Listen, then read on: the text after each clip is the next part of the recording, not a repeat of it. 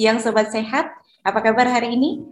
Kita ketemu lagi di Bincang-Bincang Santai, tapi hari ini kita memasuki tanggal 1 nih, tanggal 1 November, artinya kita membuka semangat baru, harapan baru, semoga di bulan ini lebih baik daripada bulan sebelumnya, amin. Dan di hari ini, Sobat Sehat, kita akan berbincang-bincang santai, kita melanjutkan dengan uh, klinik publikasi yang dari kemarin sudah mulai uh, berjalan dan saat ini sudah memasuki sesi ketiga.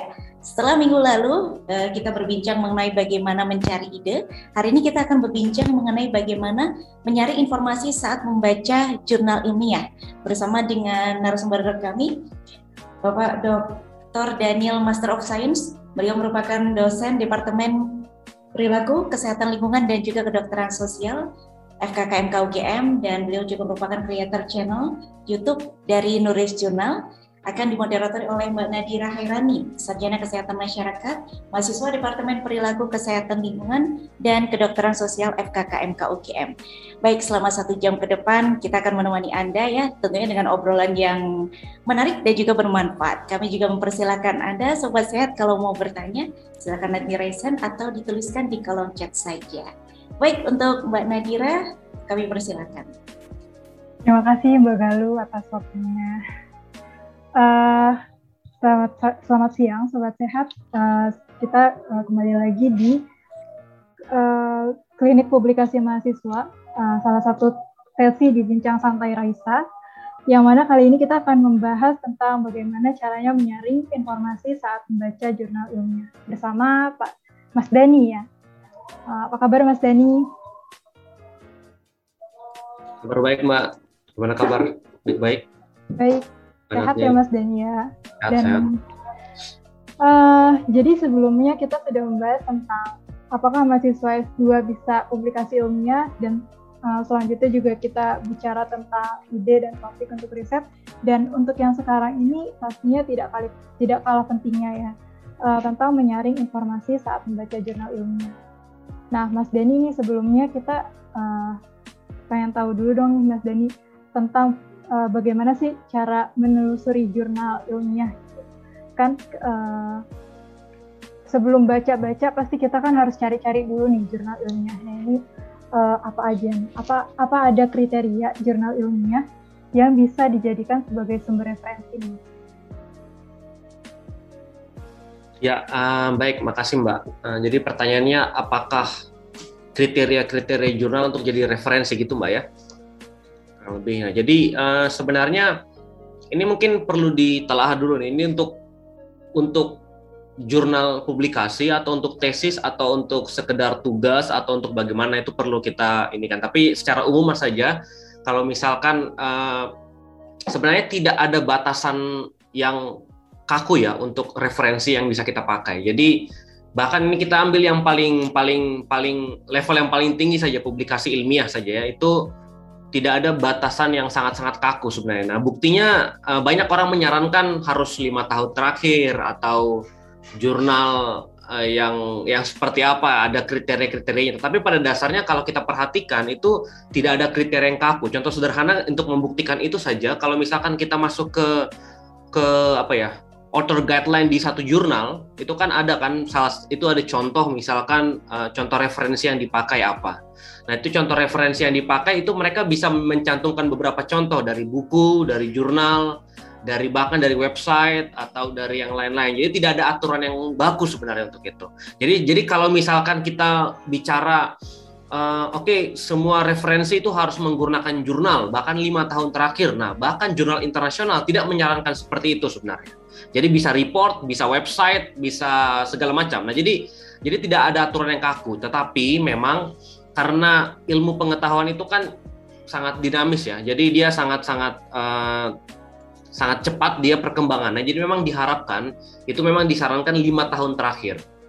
Jadi terutama menggunakan referensi uh, jurnal lima tahun terakhir. Nah, jadi itu disarankan karena memang terutama perkembangan ilmu, misalkan contoh di bidang kesehatan itu kan cukup cepat ya.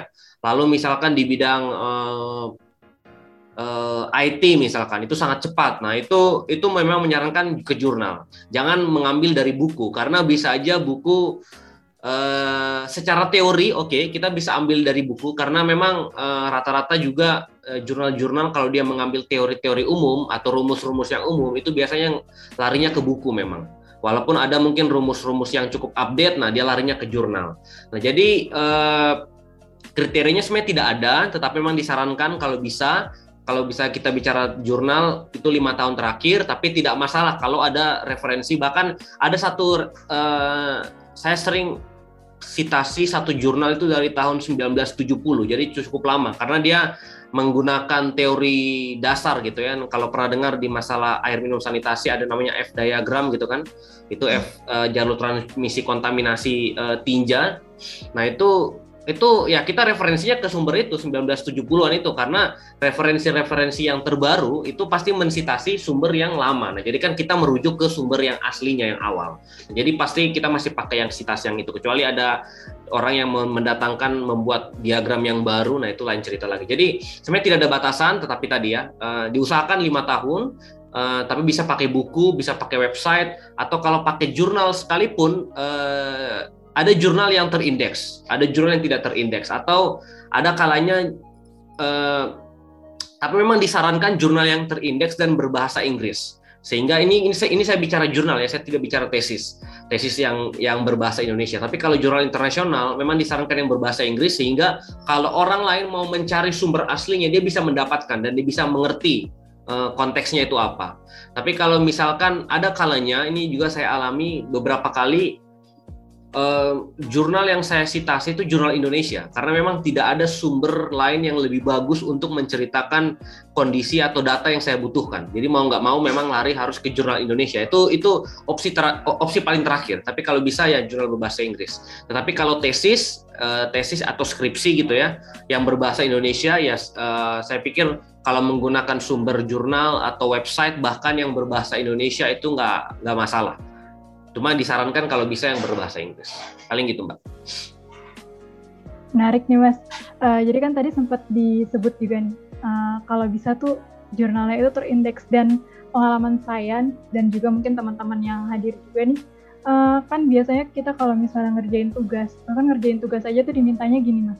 Uh, jurnal sumber referensi jurnalnya itu adalah jurnal yang terakreditasi ya. atau jurnal yang terindeks. Ya, uh, sebenarnya uh, gimana sih caranya kita tahu kalau misalnya jurnal itu terakreditasi? Iya, pertanyaan bagus. Jadi tergantung akreditasi mana, luar negeri atau dalam negeri. Kalau uh, jurnal luar negeri kita bisa kita sebutnya tidak terakreditasi, kita lebih menyebutnya terindeks terindeks dan indeks itu ada banyak sebenarnya. Jadi indeks itu uh, banyak sekali, ada banyak indeks yang dipakai gitu ya.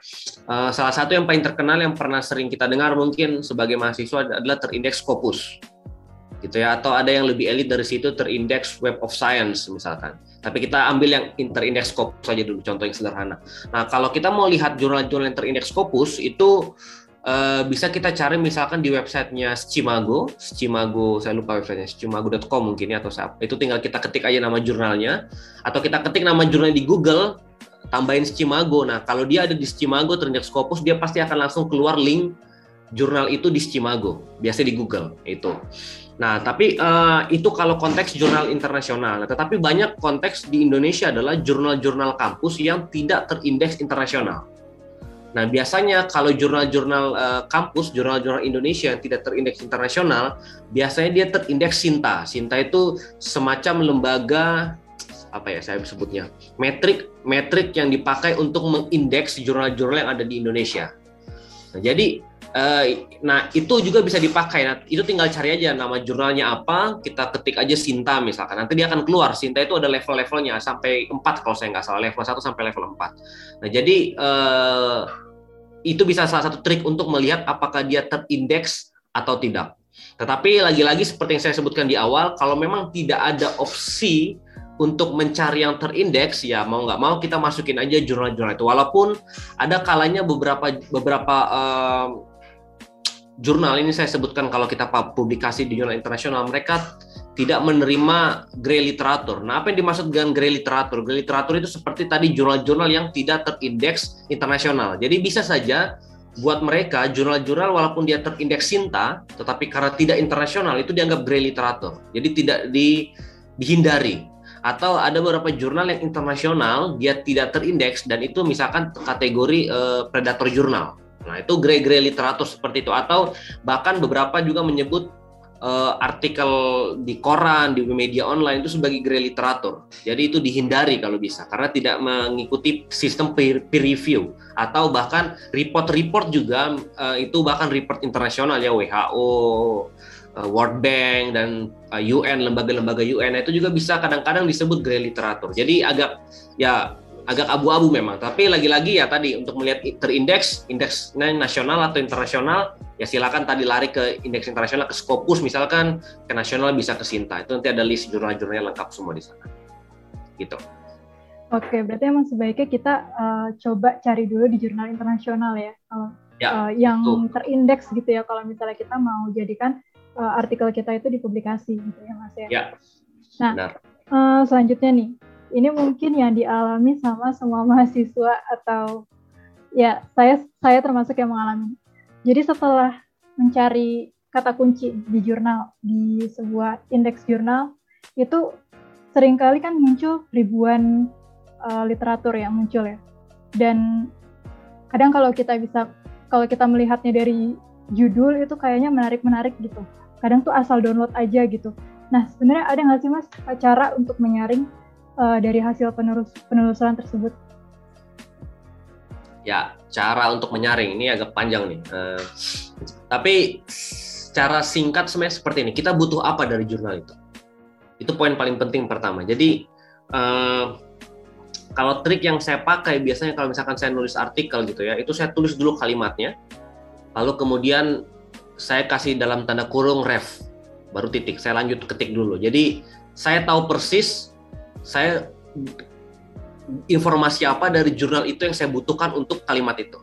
Jadi ini trik ini ini saya tidak bicara uh, review ya. Ini ini saya bicara untuk mencari li, kalau review beda lagi. Kalau review kita memang harus benar-benar konsen baca secara cepat informasinya apa lalu kita summary misalkan. Tapi kalau cuma untuk mencari referensi apa untuk kalimat kita itu, nah makanya saran saya adalah tulis dulu kalimatnya. Jadi misalkan contoh um, apa ya? Angka COVID di Indonesia dalam sebulan terakhir menurun 30 persen, saya kurang tahu berapa. Eh, sekarang sudah turun 90 persen kayaknya dari atau sudah cukup banyak ya kita. Misalkan 90 persen dalam satu bulan terakhir. Nah itu kalimatnya kita. Nah kita tulis dulu kalimatnya. Baru kemudian kita tinggal cari uh, jurnal atau website atau report atau apa pun yang mendukung data tadi 90 persen itu. Jadi kita sudah tahu memang kita butuh informasi apa. Baru kemudian kita mencari jurnal, cek. Kita mencari dari Google ya. Saya selalu pakai Google. Saya jarang pakai apa tuh yang apa ya? Ya tempat media apa Science Direct dan segala macam. Saya biasanya ketik aja di Google. Jadi trik saya biasanya ketik uh, kata kunci kata pertama jurnal, jurnal lalu kata kedua misalkan uh, COVID rate in Indonesia misalkan. Jurnal COVID rate-nya. Itu karena saya pengen cari jurnal yang ada data itu. Nah, lalu kemudian misalkan ada beberapa opsi keluar di Google, nah itu tinggal saya klik satu-satu, itu saya saya jarang mendownload kecuali sudah nggak bisa harus di-download memang. Jadi kalau bisa karena kalau di-download menuhin menuhin uh, file di komputer, jadi saya malas juga. Jadi jarang. Itu kalau nggak bisa ya, kalau nggak bisa terpaksa harus di-download. Tapi saya saya hindari download. Jadi saya saya misalkan saya nggak download, buka di Google dulu. Uh, open new tab gitu kan lalu kemudian screening cepat. Nah screeningnya karena kita sudah tahu kita butuh informasi apa tadi ya pen, angka penurunan covid 90% di Indonesia. Nah makanya fokusnya di situ. Jadi cepat dia. Jadi bahkan bila perlu kurang dari lima menit harusnya kita sudah kita sudah tahu dan kita sudah putuskan apakah kita akan set jurnal ini atau tidak. Bahkan mungkin kurang dari lima menit. Mungkin 2-3 menit kita entah halamannya misalkan 15 halaman. Ya ini di luar reference ya. 15 halaman dari abstrak sampai conclusion Nah itu kita kan skimming cepat aja. Ini skimming ya, skimming itu kan membaca cepat. Itu uh, lalu kita baca cepat aja. Jadi kalau trik yang yang diajarkan dulu waktu saya kuliah S3 itu triknya diajarkan adalah selalu memakai pulpen. Ntar saya nggak punya pulpen. Nih, ini pulpen ini misalkan. Jadi pada waktu kita membaca itu artikel, kita tunjukin dia. Jadi kita untuk supaya kita nggak kehilangan maknanya, kita garis, kita ngikutin tuh teksnya, rek, rek, rek, nah, kayak gitu kurang lebih.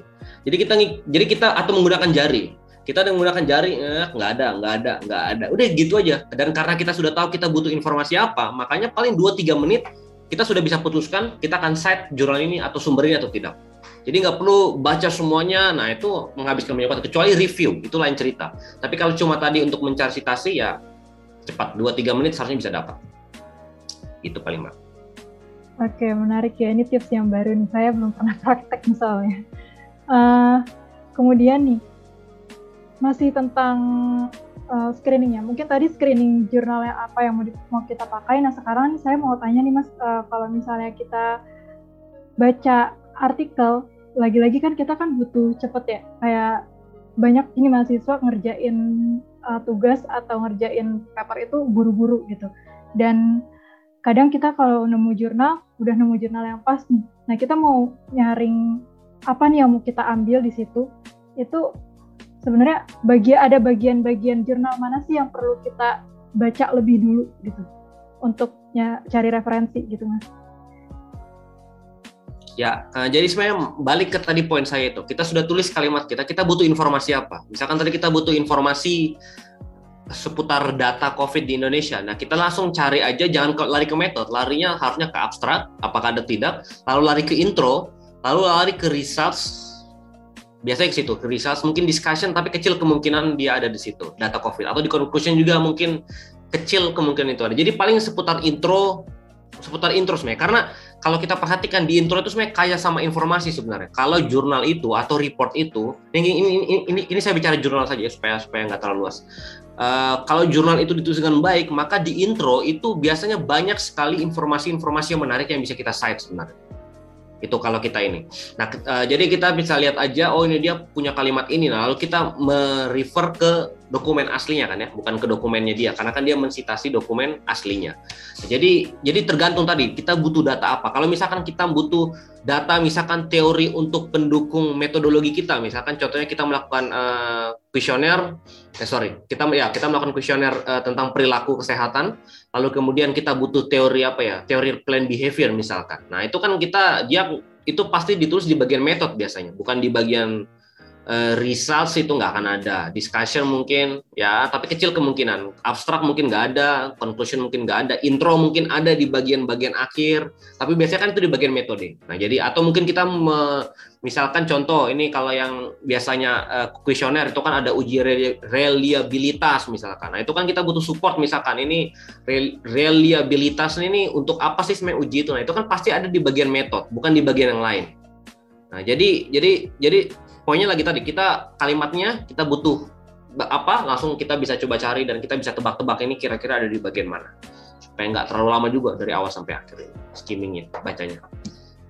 Gitu, Berarti balik lagi ke tujuan kita mau cari ya. apa gitu ya mas ya. Kalau mau cari tentang metode kita balik ke metode. Kalau kita mau cari uh, pembahasannya mungkin kita bisa lihat di result dan discussion gitu ya. Kalau mau cari ya. data-data ya. kayak di uh, introduction ya, yang ya. ya. Nah, ya. uh, ada lagi nih mas. Kalau misalnya uh, ada nggak sih mas kalau misalnya tips dan trik untuk memahami artikel ilmiah? Misalnya uh, kita mau melakukan review dari sebuah jurnal urutan untuk membaca agar kita bisa paham sebenarnya isi jurnal itu gimana sih mas? Kadang saya sendiri sih ya, saya ngalamin kadang kalau saya baca ujung-ujungnya saya nggak hafal, eh, nggak paham. Pada akhirnya saya coba baca conclusion gitu. Nah mungkin ini dialami sama teman-teman juga. Mungkin ada tips dan triknya gitu.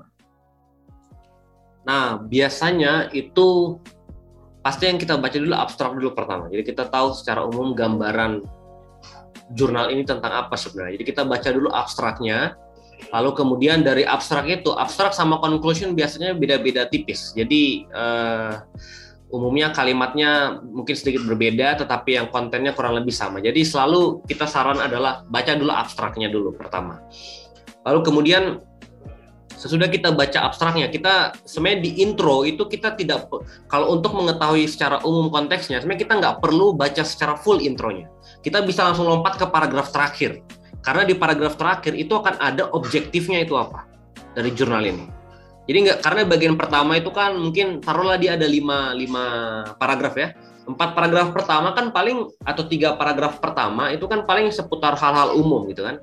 Baru mungkin paragraf keempat mungkin ada knowledge gap-nya apa mungkin atau knowledge gap mungkin di paragraf terakhir gitu ya dengan objektif. Nah jadi uh, lagi-lagi yang saya sarankan selalu skimming, skimming aja cepat. Jadi karena mungkin di intro mungkin ada kalimat-kalimat yang menarik yang mungkin ini, tapi uh, nggak nggak usah terlalu detail. Jadi lompat langsung ke paragraf terakhirnya intro karena di sana ada, ada objektif. Lalu kemudian kalau untuk bagian metodologi itu kita juga tidak perlu baca secara cepat dia sebenarnya ngapain aja nih. Kecuali tadi kita mau ini ini ini konteks review ya kita mau konteks review dan kita nggak mau gali dalam sekali. Nah kita misalkan ingin tahu dia pakai metode apa ya kita kan bisa skimming cepat kita bisa langsung tahu dia pengambilan datanya pakai apa interview atau apa kualitatif atau modeling lalu kemudian eh, Sesudah itu misalkan eh, apalagi ya pengolahan datanya seperti apa, analisa datanya seperti apa, dia pakai analisa ini, analisa ini, analisa itu. Jadi cepat aja. Jadi jadi kita nggak perlu dalam pelajari itu dan kita juga nggak perlu peda, eh, karena di bagian metode itu kan kali ada banyak konteks sebenarnya. Dia ada soal misalkan uh, ethical review, misalkan dia teknis pengambilan datanya seperti apa, lalu kemudian anal, uh, metode analisa datanya dia pakai persamaan apa misalkan persamaan apa. Itu kan kita nggak kalau kita nggak butuh da, butuh banget ya kita lewat aja cepat jadi cepat kita itu jadi intinya kalau sudah terlatih skimming tuh udah bisa tahu dia dia nggak akan baca yang mana aja. Lalu kemudian di results juga kalau buat saya results itu lebih enak sebenarnya lompat langsung ke discussion. Karena di discussion akan dia umumnya kalau discussion yang baik dia akan membahas temuan-temuan menarik dari results harusnya. Jadi karena kalau buat dia kalau resultsnya nggak menarik ya dia nggak akan bahaskan di discussion. Jadi misalnya jadi kita bisa langsung lompat mungkin ya. Uh, kalau saran saya kalau nggak butuh detail banget misalkan contoh nih persamaan regresi statistik. Nah itu kan ada tuh misalkan nilai confidence interval nilai b-nya nilai koefisien dan segala macam. Nah kalau kita nggak butuh itu kita cuma butuh mana yang paling signifikan ya lompat aja langsung ke discussion atau lompat ke ke nggak usah lihat tabelnya langsung aja lihat dia kan pasti akan bahas tuh. Atau kalaupun kita lihat tabelnya kita langsung fokus ke tabel kita butuh apa yang paling signifikan yang mana. Itu kan misalkan odds ratio atau standarized beta. Nah, langsung aja lompat situ di tabelnya itu. Oh, ini kita butuh ini aja ini, dan kita langsung tahu oke okay, ini yang paling signifikan. Udah gitu aja. Jadi nggak perlu baca semuanya. Kita nggak perlu juga baca interpretasi dia hal-hal uh, misalkan sosiodemografik itu kan kalau jurnal kan pasti kalau dia menggunakan metode interview dia ada sosiodemografik karakteristik respondennya seperti apa. Nah, kita kan nggak perlu hal-hal seperti itu kita mungkin nggak nggak nggak nggak nggak butuhkan. Ya udah skip aja part itu. Langsung aja lompat ke hal paling pentingnya apa? Baru di discussion. Nah itu di discussion memang kita butuh lebih dalam. Ini kalau kita mau, review ya karena kita butuh tahu argumennya dia tuh apa statement pendukungnya untuk mensupport uh, findingsnya tuh apa. Nah itu mungkin yang butuh uh, waktu. Jadi nggak yang yang butuh cukup didalami lah. Konteksnya oh dia bilang temuannya ini relevan karena apa? Lalu implikasinya temuannya ini apa? Nah itu yang mungkin kita perlu ini perlu ini. Tetapi uh, saran yang lain juga yang bisa saya ini adalah kalau misalkan kita baca dari PDF, silakan di highlight poin-poin menariknya. Atau di garis di underline di garis bawah. Itu kan bisa ya di di di di, di software PDF-nya itu kan bisa kita highlight itu kan poin-poin menariknya. Jadi supaya kita nggak lewat uh, poin-poin pentingnya. Paling ya kurang lebih seperti itu sih, kurang lebih seperti itu. Atau kalau mau dibuat lebih expert lagi, kalau dulu saya di tahun pertama itu saya buat file di Word ya. Ini ini trik juga ada buat uh, satu file di Word. Lalu bagian-bagian yang penting dari PDF saya copy dan saya paste di Word. Jadi misalkan contoh dia bahkan kalimat-kalimat menarik dari dia apa pun ya di entah di intro, entah di metode, entah di apa pun itu saya copy paste di Word. Lalu di Word itu saya tulis nanti uh, ini berasal dari jurnal ini. Jadi pada waktu saya butuh kalimat-kalimat menarik atau data-data menarik atau ya kalimat statement atau apa pun yang menarik dari jurnal itu, saya bisa langsung lari ke file Word tadi. Jadi dulu saya pernah punya di tahun pertama saya punya file Word yang cukup banyak isinya itu mungkin saya kurang tahu. Cukup cukup panjang juga. Itu itu dari summary dari jurnal-jurnal yang saya baca. Saya masukin ke situ saya masukin ke situ. Jadi kadang-kadang kalau saya butuh teori apa saya bisa cari ke situ. Oh ini ada. Bahkan di jurnal Word itu itu bahkan ada ada ada apanya ya? bukan headline bukan. Ya headline ya apa jadi ada ada subchapternya apa? Jadi misalkan subchapter pertama soal metode yang menarik. Subchapter kedua soal data menarik subchapter ketiga chapter ketiga misalkan tentang teori nah jadi saya baca 10 jurnal nah metode-metode itu saya masukin di chapter pertama uh, teori saya masukin di chapter ketiga dan sebagainya jadi jadi sudah di jadi file word itu sudah semacam buku ya yang ada bagian-bagiannya. Jadi supaya gampang me-refer ke dan mencari data-data informasi yang kita butuhkan dari dari dari itu tadi. Gitu kurang lebih, Mbak. Ini menarik banget sih, Mas.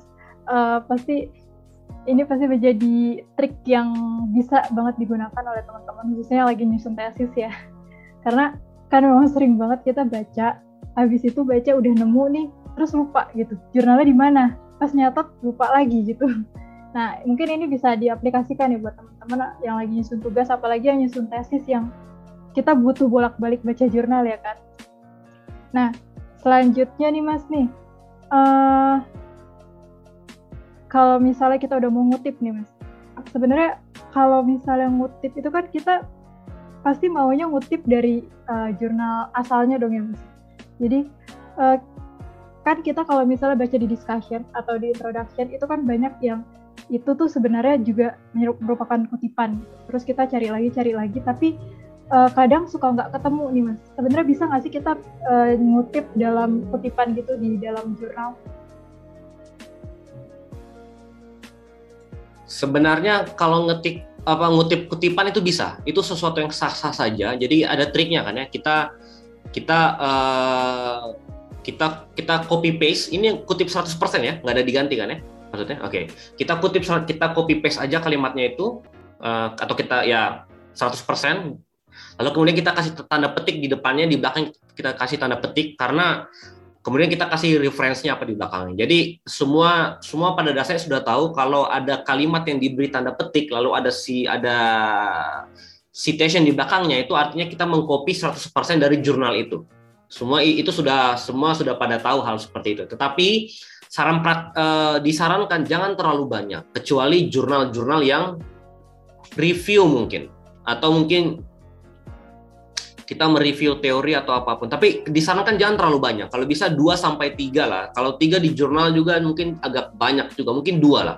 2 sampai 3 jangan di atas 3 karena kalau terlalu banyak dia akan akan sangat uh, tidak disarankan. Jadi kalau bisa di, di, di, diminimalisasi, jangan terlalu banyak, tetapi itu sesuatu yang sah-sah aja sebenarnya. Nah, uh, ngomong-ngomong soal mood nih Mas, kan uh, namanya jurnal ilmiah itu biasanya kita baca pas lagi ada tugas aja. Pas atau lagi ada keperluan mau nulis paper, kita baru nyari tuh kan uh, jurnal-jurnalnya yang terkait sama itu. Ada nggak sih Mas uh, tips atau cara-cara buat membangkitkan apa ya uh, ketertarikan kita untuk baca jurnal? Karena kan jurnal nggak seperti novel yang mungkin untuk orang-orang yang suka baca novel itu kan lebih seneng gitu baca novel gitu bisa seharian gitu baca kalau jurnal itu untuk membangkitkan ketertarikan kita terhadap jurnal itu gimana ya mas?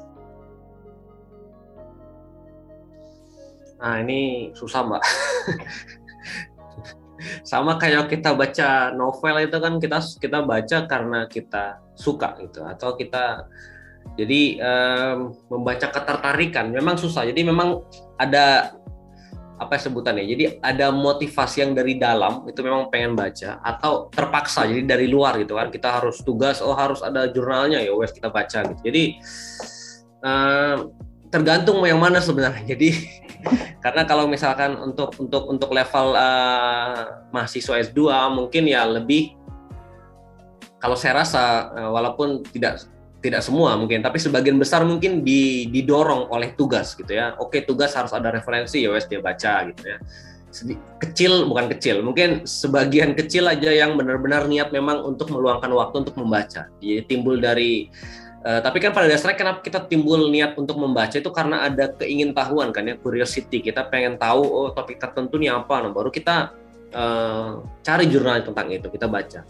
Nah, itu uh, ini saya rasa nggak cuma di Indonesia, tapi di luar negeri juga level curiosity untuk sampai membaca jurnal untuk mahasiswa S2 itu bisa dibilang kecil sebenarnya. Ini ini pengamatan personal, pengamatan pengamatan personal yang butuh mungkin teori atau penjelasannya. Tapi sepertinya sedikit karena misalkan karena kebanyakan terutama kita di di masa modern seperti ini ya, ada ada curiosity akan satu topik, tapi kita larinya bukan ke jurnal, kita larinya ke Google biasanya. Hmm. atau kita lari ke podcast di YouTube misalkan. Jadi dan itu nggak cuma itu rata-rata di luar negeri seperti itu. Jadi di luar negeri juga bahkan di luar negeri itu untuk S2 ya. Ini pengalaman saya S2 ya. Uh, S2 dan S3 juga saya perhatikan nggak ada kelas metopen misalkan di luar negeri itu nggak ada sepertinya seingat saya. Ada nggak ya? Pengalaman saya S2 nggak ada. Saya S2 dan S3 itu kampusnya beda. Itu nggak ada kuliah sejenis metodologi penelitian di untuk mahasiswa S2 itu nggak ada. S3 ada. Jadi memang mereka diharapkan belajar otodidak gitu ya untuk untuk untuk untuk penelitian. Nah jadi curiosity memang bisa dibilang nggak terlalu banyak, dan tetapi memang di luar negeri curiosity biasanya di, diselesaikan ya itu di kelas. Jadi pada waktu mereka tertarik dengan satu topik, mereka akan bombardir dosennya dengan pertanyaan-pertanyaan. Itu ataupun mereka nanti lari ke tadi ke ke ke diskusi misalkan atau lari ke ke YouTube, ke ke podcast atau ke Google dan sebagainya. Jadi kalau ke jurnal memang dikit. Jadi ya uh, karena memang gini, saya tidak menyalahkan itu karena memang jurnal itu biasanya ditujukan ke kalangan akademis memang. Jadi bukan ke kalangan peneliti atau mahasiswa S2 itu memang karena bahasanya terlalu kaku ya. Jadi memang harus diakui kalau banyak jurnal-jurnal itu yang bahasanya kaku dan terlalu uh, apa ya formal dan itu justru tidak mengasihkan untuk banyak orang. Itu harus diakui. Atau bahkan mungkin buat kita yang bukan uh, native gitu ya itu ada beberapa kosakatanya mungkin kadang-kadang sulit. Itu yang saya alami juga di awal.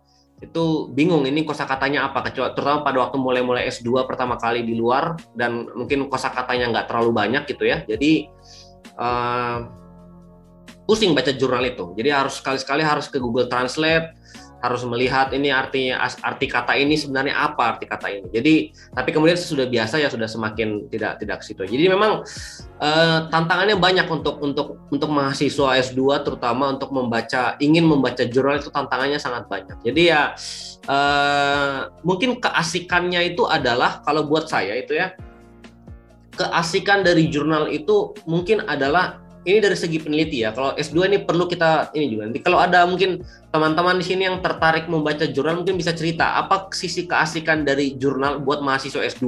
Itu saya juga penasaran sebenarnya. Saya baru terpikir nih barusan. Research question tuh bisa dibuat tuh research question baru tuh. Tapi buat saya itu pen, untuk peneliti atau untuk dosen, bagusnya itu adalah di mana uh, sisi bagusnya menariknya adalah terutama kalau ada temuan-temuan ya mungkin ada dua hal ya pertama temuan yang yang berbeda dari sebelumnya. Jadi sangat-sangat e, baru dan sangat kontroversial. Misalkan temuannya berlawanan dengan apa yang ada. Nah itu temuan yang konklusi atau temuan yang menaiki nah itu yang membuat me, me, mendorong kita untuk membaca. Lalu kemudian yang kedua metode yang menarik. Nah itu biasanya. Jadi kadang kadang misalkan contoh nih ya uh, uh, misalkan saya terpikir ingin saya pernah dengar satu metode apa gitu ya di, di, di pernah dipakai atau mungkin saya terpikir tentang satu metode yang menarik yang belum pernah saya lakukan sebelumnya. Lalu kemudian saya mencoba mencari jurnal. Nah jadi saya bisa fokus ke bagian metode misalkan. Gitu. Jadi saya saya tertarik oh ini saya telah nih. Oh ya metodenya kayak gini pengambilan datanya analisanya seperti. Nah itu itu menimbulkan curiosity terhadap metodenya. Atau kalau ada curiosity terhadap suatu temuan atau findings yang menarik. Kita misalkan dengar isu isu apa ya misalkan? Ya isu isu kesehatan umumnya atau apa yang menarik gitu kan. Lalu kemudian kita tertarik oh kita cari jurnalnya. Lalu kita temukan oh ini ternyata di misalkan di di di Afrika sebelah mana nih pernah ditemukan uh, mereka pernah melakukan penelitian dan temuannya sama dengan apa yang kita kita ingin cari tahu. Nah baru kemudian kita baca oh ternyata dia melakukannya cek seperti ini uh, data analisanya seperti ini respondennya misalkan seperti ini kemudian dan sebagainya teori yang dia pakai apa. Nah itu jadi timbul dari situ. Jadi memang tapi lagi-lagi tadi pokoknya adalah untuk S3 atau untuk peneliti untuk dosen dan sebagainya ada timbul curiosity, ada satu pertanyaan yang keluar di kepala, nah baru dia lari ke jurnal. Jadi nggak serta merta dia baca satu jurnal uh, apa ya? Ini, ini ini saya kurang tahu terhadap dosen yang lain, tapi buat saya pribadi saya nggak serta merta baca satu jurnal karena lagi iseng, nggak jarang-jarang sekali, jarang sekali. Karena uh, di satu sisi kita cukup sibuk juga, jadi jadi uh, tidak ada apa ya susah lah mencari ruang-ruang yang iseng oke saya baca satu jurnal yang ngasang aja saya ketik di jurnal di Google apa itu jarang jadi biasanya ada timbul pertanyaan curiosity akan satu topik baru saya mencari jurnal yang cocok dengan jurnal itu apa tetapi uh, itu itu yang saya alami atau ada kalanya saya punya akun Research Gate ya, saya punya akun Research Gate. Itu kan saya follow beberapa jurnal, beberapa peneliti-peneliti dari luar negeri atau dari dalam negeri juga ada yang saya ikuti. Nah itu kan kita dapat update dari topik-topiknya penelitiannya mereka. Atau eh, karena di Research Gate itu mereka mengusulkan topik-topik yang eh, relevan dengan dengan pekerjaan kita.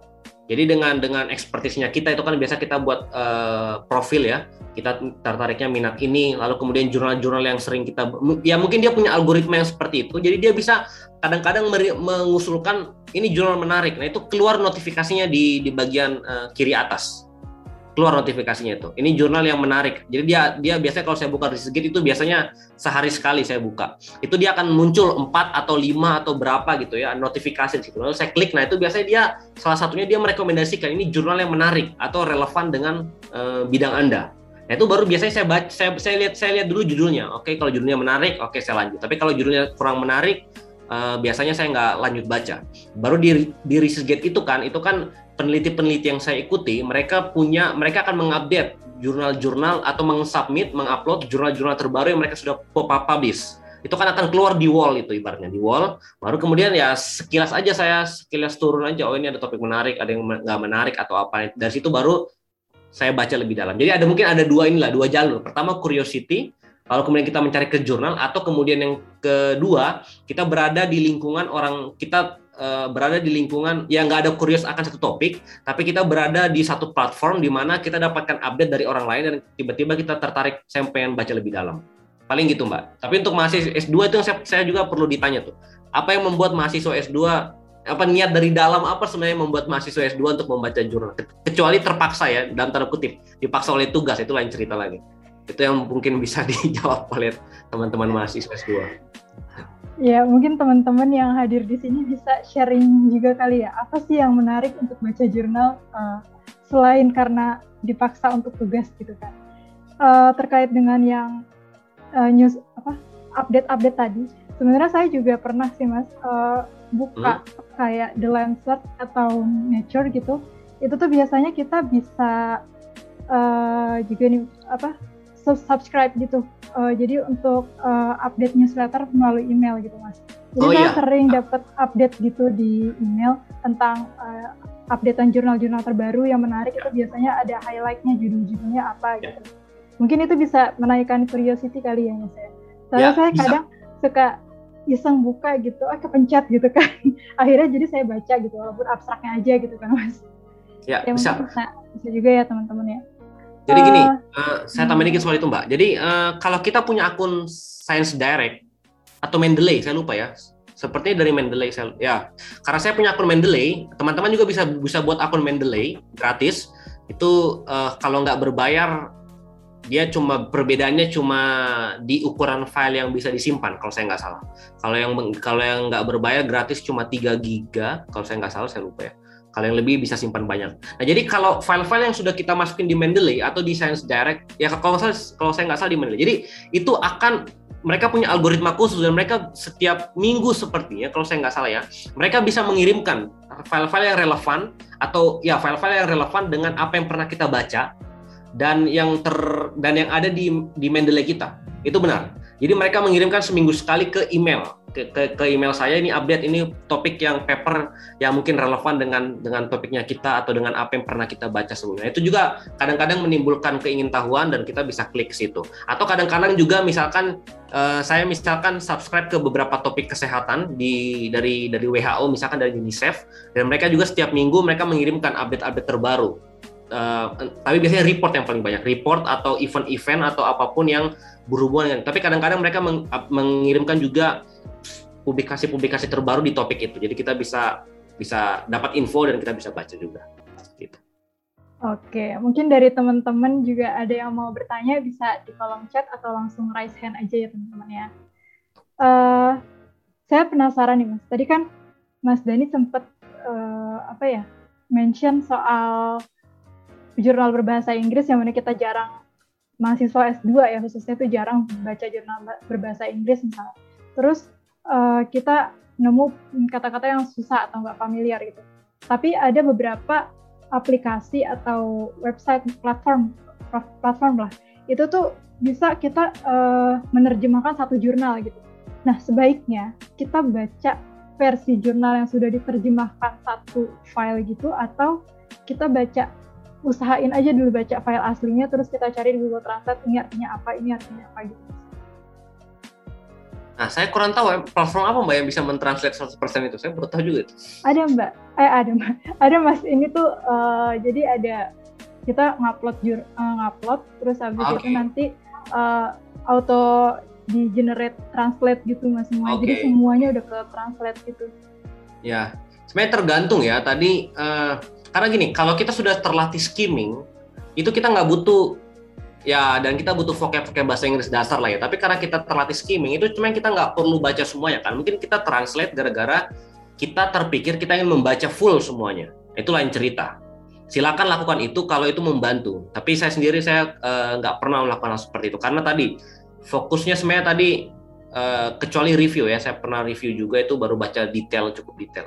Tapi kalau cuma skimming itu kan kita kita nggak butuh uh, translate semua dokumennya sebenarnya. Karena kita tadi kan kita cuma butuh kalimat-kalimat tertentu yang bisa kita cite misalkan atau yang mendukung kalimat kita itu tadi. Jadi sorry. Nah jadi uh, itu sesuatu yang sah-sah aja. Jadi saya pikir kalau saya pribadi sebenarnya gini, uh, dalam proses belajar itu kita mau pakai metode apa pun itu nggak masalah asal kita bisa sampai ke tujuan yang kita mau. Jadi kalau misalkan kita tadi ingin mereview, misalkan kita diberi tugas mereview paper nih, ada lima paper yang kita harus review, kita summary poin-poinnya apa saja. Nah itu sebenarnya balik ke kepada mahasiswa, kepada setiap orang, dia mau pakai metode apa? Dia mau translate dulu semuanya, atau dia mau pakai metode apa pun terserah. Asal tadi ter, uh, tugasnya itu ter ter, terpenuhi, tujuan itu terpenuhi dia mau ngapain. Nah karena gini, eh, prinsipnya adalah setiap orang itu punya metode belajar masing-masing sebenarnya. Itu kenapa kita kan sebut kalau sering kita dengungkan kan merdeka belajar. Nah, salah satu esensi dari merdeka belajar adalah kita uh, kita menghargai keunikan dari proses belajar yang kita menghargai proses belajar dari setiap individu. Dia bisa lakukan, dia bisa lewat Eh, misalkan dia ke Jogja, dia bisa lewat utara dari Semarang turun ke bawah lagi misalkan, atau motong, atau dia bisa lewat jalur tengah, atau dia bisa lewat jalur selatan. Jadi sebenarnya terserah mau ke mana aja, asal tadi tujuannya itu terpenuhi. Jadi dia mau translate, dia mau skimming, dia mau laku, dia mau jungkir balik, atau, dia mau mau print. Itu kadang-kadang dulu kalau saya dulu eh, jurnal yang butuh saya review itu pasti saya print karena saya nggak bisa baca langsung dari sini uh, untuk baca serius. Jadi untuk baca review sangat detail itu saya pasti print uh, jurnalnya, lalu saya garis bawahi atau saya apa pun baru saya atau saya kasih notes pakai pulpen gitu ya supaya lebih dalam. Itu yang saya lakukan. Jadi terserah setiap orang. Ada orang yang bisa membaca file PDF lalu mengkomen, meng-highlight segala macam itu silakan. Terserah bebas aja sebenarnya. Asal tadi tujuannya tercapai. Yang per, mungkin dua dua kriteria ya. Uh, pertama tujuannya tercapai, Lalu metodenya itu yang paling efektif dan efisien. Nah ini, ini mungkin dua kriteria yang mungkin bisa dipikirkan saya pakai metode yang mana sebenarnya. Ya terserah aja, yang penting dua tadi. Terpenuhi, tercapai, dan juga efektif, efisien. Itu aja paling.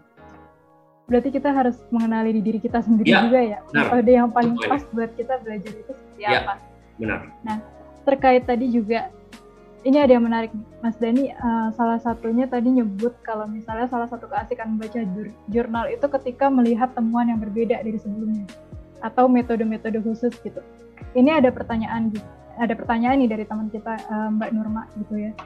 Uh, sebenarnya apa sih yang perlu kita ketahui uh, agar kita membaca jurnal itu tidak salah gitu. Tidak tidak apa ya?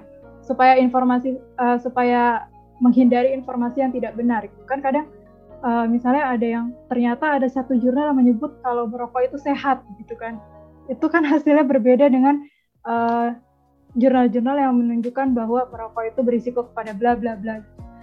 Uh, jadi informasi apa yang perlu kita ketahui dalam menyaring informasi uh, saat membaca jurnal tersebut? Ya jadi uh, nah gini gini sebelum saya masuk ke situ ada satu pola pikir yang harus diubah oleh kita. Jadi uh, oleh semua orang gitu ya bahwa temuan-temuan yang berbeda dari sebelumnya belum berarti itu salah. Jadi itulah itulah seninya sains, itulah seninya penelitian. Jika kita temukan temuan-temuan yang yang berbeda atau bahkan berbeda dengan teori sebelumnya dengan apa yang dibilang oleh orang banyak gitu ya, oleh penemuan-temuan teori-teori dan uh, paper-paper sebelumnya, itu belum berarti itu penemuan itu salah ini contoh sederhana ini, ini contoh sederhana uh, di bidang wash. Ini bidang air, air minum, sanitasi, higienitas. Selama ini teori yang kita tahu apa? Kalau kalau kalau uh, kondisi rumah tangga itu bersih, dan kondisi sanitasinya baik, kondisi air minumnya juga baik, kemudian mereka makan makanan yang bergizi, maka angka maka stunting atau pertumbuhan balita di rumah tersebut akan akan akan baik. Jadi tidak ada stunting. Itu teori yang kita umum. Itu di teori semua teori kesehatan tahunya seperti itu. Itu kan teori yang kita tahu. Tetapi kan eh, tahun 2017, eh, tahun 2021 ya. 18 apa ya atau 19 saya lupa. Itu ada temuan yang menarik ternyata. Mereka menemukan tidak ada hubungan sama sekali dari dari WOS dengan stunting balita. Nah, itu kan heboh itu semuanya. Uh, itu mereka lakukan di tiga negara di Kenya, Bangladesh sama saya lupa satu lagi apa ya, Zimbabwe kalau saya nggak salah. Tiga, tiga lokasi dan mereka kurang lebih temukan hal yang sama. Itu kan ber, ber, berlawanan dengan teori kita sebelumnya. Nah, lalu apa yang di lalu apa yang bias lalu apa yang bisa kita lakukan untuk hal tersebut? Atau atau misalkan contoh sederhana nih. Kemarin saya ada satu jurnal saya masih under review sekarang itu itu salah satu temuan juga berbeda dengan sebelumnya. Selama ini misalkan contohnya orang beranggapan bahwa uh, community participation itu berpengaruh positif terhadap keberlanjutan suatu proyek uh, air minum di di negara berkembang. Jadi semakin banyak orang dilibatkan, semakin uh, sustainable dia, semakin berkelanjutan. Tetapi kemudian temuan saya nggak bertolak belakang, justru kalau mereka banyak ikut, justru berkebalikan negatif. Itu kan berbeda, dan itu kemarin diserang salah satu reviewer. Kenapa temuannya berbeda nih? Tapi sudah saya balas juga, cukup cukup saya uh, jelaskan argumen-argumennya, lalu uh, seperti apa. Nah jadi temuan yang berbeda itu belum tentu itu salah. Nah lalu kemudian uh, gimana cara kita tahu itu temuan itu benar atau tidak? Nah kita lihat metodenya metodenya itu make sense nggak sih? Dia menggunakan pengambilan data yang benar atau tidak? Dia menggunakan metode analisa yang benar atau tidak? Dan sebagainya. Atau uh, kita juga bisa lihat kredibilitas jurnal itu. Apakah jurnal itu dipublish di jurnal yang terindeks internasional dan levelnya bagus atau tidak? Jadi kan ada level-level jurnal itu kan kalau terindeks internasional ada levelnya Q1 sampai Q4, Q1 paling bagus gitu kan. Nah, apakah dia di level Q1 atau tidak? Ini ini ini coba saya ini agak ini saya uh, ini satu isu yang menarik. Ini kemarin saya sempat buat dua bulan lalu kalau nggak saya sempat saya, saya bahas di Instagram di IG story saya. Kemarin kan ada salah satu isu uh, apa tuh? Vaksin. Vaksin apa kita ya? Vaksin yang dibuat oleh uh, salah satu ini vaksin Nusantara atau vaksin apa gitu saya lupa nama vaksinnya apa. Uh, lalu kemudian itu disebutkan itu me diklaim oleh seluruh dunia itu sangat bagus Intinya seperti itu. Lalu kemudian keluar di, di detik, di Kompas dan segala macam, uh, salah satu tim penelitinya menyebutkan bahwa vaksin itu sudah diklaim oleh seluruh dunia. Ber, uh, bahasanya kurang lebih ini saya, saya, saya, saya kurang saya kurang paham ini ya. Nanti silahkan dicek sendiri. Kurang lebih bahasanya itu sangat efektif untuk mencegah COVID. Itu vaksin apa ya? Dendrit, apa dendritik ya? Apa yang yang yang sedang dikembangkan oleh salah satu ilmuwan kita gitu kan. Lalu kemudian merujuk ke jurnal itu. Kemudian apa yang saya lakukan? Yang saya lakukan saya baca jurnal aslinya. Saya baca jurnal aslinya, saya lihat ah, ini jurnal Q3 kalau saya nggak salah, Q3 atau Q4. Jadi secara level dia tidak terlalu bagus. Lalu kemudian saya baca jurnalnya, akhirnya kalimat yang ditemukan yang mereka kalimatnya di situ adalah mereka bukan mereka cuma berhipotesis peneliti dari Italia itu itu jurnal dari peneliti dari Italia itu mereka berhipotesis bahwa uh, sel dendritik ini berpotensi untuk menyelesaikan COVID mereka berhipotesis dan belum pernah dibuktikan tetapi tim peneliti dari Indonesia menemukan menyebutkan kalimatnya kurang lebih menyebutkan bahwa sel itu sudah diakui oleh dunia internasional. Sedangkan kalimat asli jurnalnya dia tidak menyebutkan itu. Dia menyebutkan bahwa ini berpotensi menyelesaikan masalah COVID. Tapi dia nggak menyebutkan COVID. Itu kan jurnal yang sudah cukup lama uh, sebelumnya. Jadi dia menyebutkan apalah gitu. Jadi cuma berpotensi berhipotesis belum dibuktikan secara teori ilmiah. Tapi diklaim oleh peneliti kita bukan peneliti UGM ya intinya, peneliti dari luar, tapi orang Indonesia bahwa itu diakui oleh dunia internasional, tapi kan belum dibuktikan secara ilmiah. Nah, jadi seperti itu. Jadi kita perlu lihat dulu tadi metodenya, lalu kalimat aslinya itu apa, lalu reputasi jurnalnya itu seperti apa.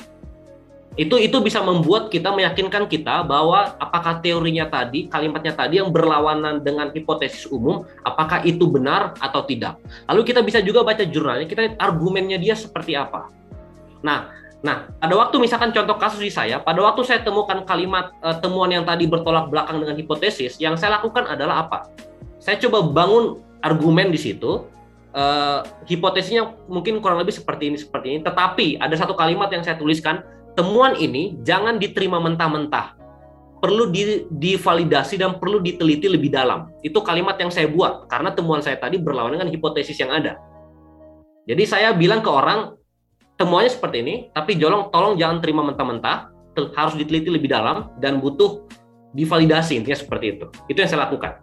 Jadi supaya pembaca juga tahu oh, ini uh, masih ini temuannya memang berbeda, baru, tetapi dalam terkutip kontroversial. Nah, kita perlu teliti lebih dalam di di, di riset-riset mendalam. Jadi itu kurang lebih secara umum garis besar uh, untuk menjawab tadi pertanyaan menarik tadi dari Mbak siapa ya Mbak Nurma ya tadi ya.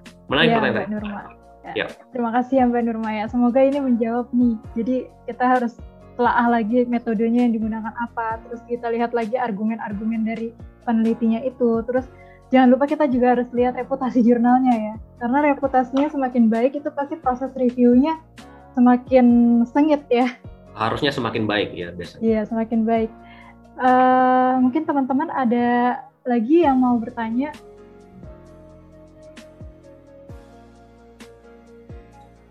berapa menit terakhir? Ya udah lima menit terakhir. Nggak terasa ya mas ya? Uh,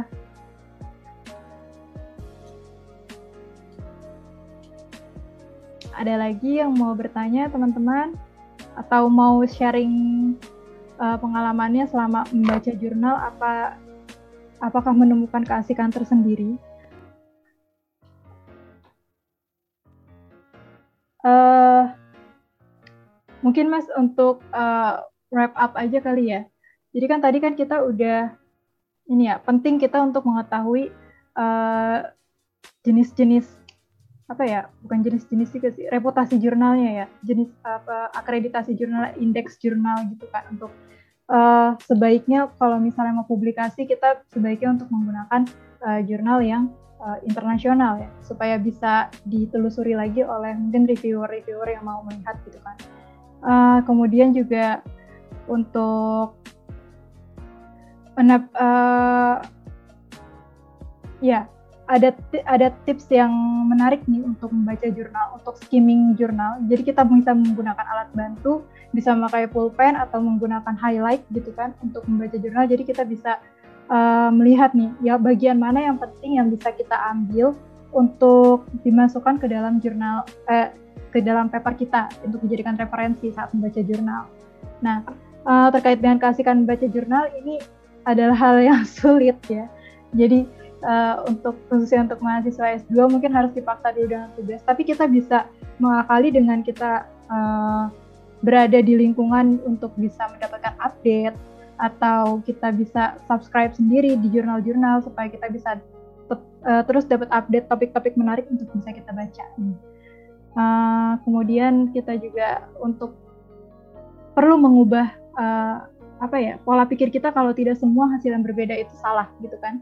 Kita harus menelaah lagi bagaimana metodenya, latar belakangnya, argumen-argumennya, dan iya berarti harus tetap ini ya mas ya, harus tetap kita tuh kurius juga ya harus karena kalau kita nggak kalau kita nggak mau tahu kita nggak akan cari tahu uh, apakah ini benar atau salah atau bisa-bisa kita mengutip hal yang sebenarnya kayak tadi tuh yang soal vaksin itu. Kita asal nemu kata terus kita kutip akhirnya jadi kontroversi bukan jadi benar kan?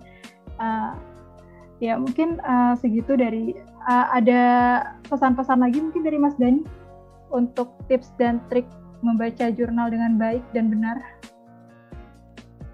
ya apa ya uh, kalau mungkin buat saya untuk mahasiswa S2 itu kalau bisa ini untuk untuk untuk tesis ya atau untuk ini saya ya untuk tesis saja mungkin kalau bisa diharapkan sebenarnya itu uh, saya kurang tahu aturannya berapa uh, di di di FKKMK di IKM terutama berapa. Tapi kalau bisa diusahakan itu uh, tadi hindari uh, citation citation yang cukup lama. Jadi kadang-kadang kita tuh menggunakan citation yang cukup lama kecuali buku ya itu buku lain cerita itu memang kita harus pakai ke sumber aslinya tapi kalau untuk informasi-informasi umum nah kalau bisa hindarilah yang lama-lama lalu kemudian uh, yang kalau bisa lima tahun terakhir, lalu kemudian uh, kalau bisa sebenarnya saya sarankan sekali itu untuk melatih melatih skill kita juga. Kalau bisa sebenarnya minimal sekitar 20 lah. Ada citation kita yang berasal dari jurnal. Dan saya kira itu 20 itu tidak terlalu banyak ya karena bisa ditaruh di mana ya di intro, di di apa di discussion segala macam. Kalau, kalau jurnal 20 itu malah terlalu sedikit buat jurnal. Jurnal itu walaupun nggak ada batasan tetapi umumnya lebih banyak. Jadi kalau bisa untuk mahasiswa S2 uh, minimal 20 jadi supaya terlatih juga mencari jurnal dan membaca jurnal. Itu aja paling. Oke, terima kasih banyak nih Mas Dani. Kita siang-siang berfaedah sekali membahas tentang membaca jurnal. Um, udah selesai kayaknya ya Mbak, uh, Mbak Galuh ya. Uh, untuk waktu dan tempat saya kembalikan lagi ke Mbak Nuni. Baik, terima kasih banyak Mbak Nadira dan juga terima kasih banyak Mas Dani atas ilmunya hari ini ya setelah kita dari kemarin mengikuti sesi klinik publikasi yang pertama, kedua dan yang ketiga nih dari kita sudah mendapatkan banyak sekali informasi-informasi yang menarik dan tentunya tips-tips yang otentik dari Mas Dani sendiri. Tapi kembali lagi tadi kita perlu mengenal diri mana tips-tips yang kiranya pas untuk kita, mana yang enggak gitu ya. Terima kasih banyak Mas Dani dan juga Mbak Nadira atas hari ini. Uh, saya selalu untuk Mas Dani, untuk Mbak Nadira. Kita jumpa lagi di klinik publikasi selanjutnya. Dan Sobat Sehat, kalau Anda melewatkan uh, dari kemarin belum menyaksikan klinik publikasi yang pertama dan yang kedua, Anda bisa mendengarkannya melalui Spotify-nya Raisa Radio di Raisa Radio Indonesia Sehat. Terima kasih banyak atas kesempatannya, atas kebersamaannya. Saya Nigalu mohon pamit undur diri. Selamat bersantap siang, Sobat Sehat. Tetap di Raisa Radio Indonesia Sehat. Sampai jumpa.